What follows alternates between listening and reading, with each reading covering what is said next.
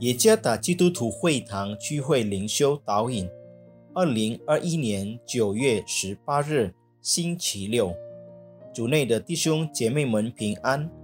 今天的灵修导引，我们要借着圣经路加福音四章十八节、加拉太书二章十节来思想今天的主题：传福音给穷人的使命。作者。彭志堂牧师，路加福音四章十八节：主的灵在我身上，因为他用高高我，叫我传福音给贫穷的人，差遣我报告被掳的得释放，瞎眼的得看见，叫那受压制的得自由。加拉太书二章十节。只是愿意我们纪念穷人，这也是我本来热心去行的。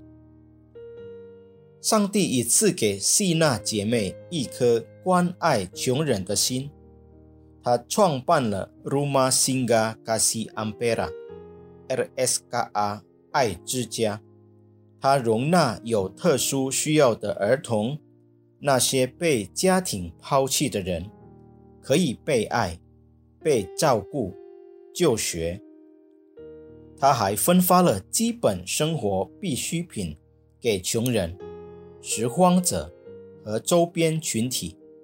在分发必需品之前，通常先进行崇拜，这就是传播上帝话语机会的地方。当希娜姐妹要我在根当区。开 LSKA 的分部时，我立即答应了。我们在 LSKA 的根当分部成立了一个服务团队，开始为穷人服务。大约有一百多人来到 LSKA 爱之家。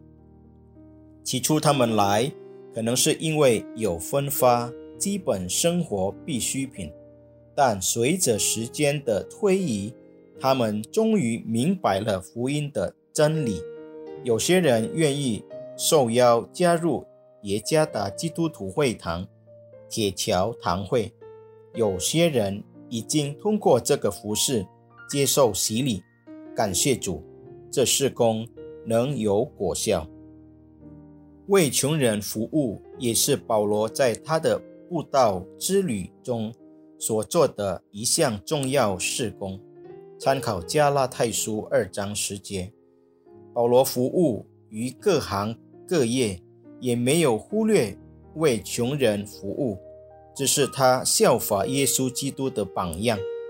当基督来到世上时，他也为所有人服务，富人、穷人、病人、妓女、被鬼附的人等等，全都可以来到他面前。他的到来也应验了先知以赛亚的预言。参考路加福音八章十四节，福音也要传给穷人。当基督降生在世上时，他不是出生在宫殿里，而是出生在马槽里。这也是他关心穷人的一种象征。贫穷的牧羊人终于能够拜访。安放婴儿耶稣的地方。我们身边也有很多艰难和贫困的人，尤其是在这次疫情期间，艰难和贫困的人更多。他们都需要爱和基督的福音。你和我是上帝可以用来接触他们的工具。也许他们还不认识基督。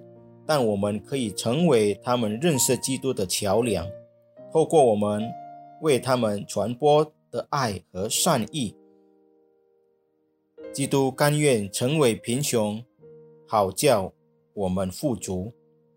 愿上帝赐福弟兄姐妹们。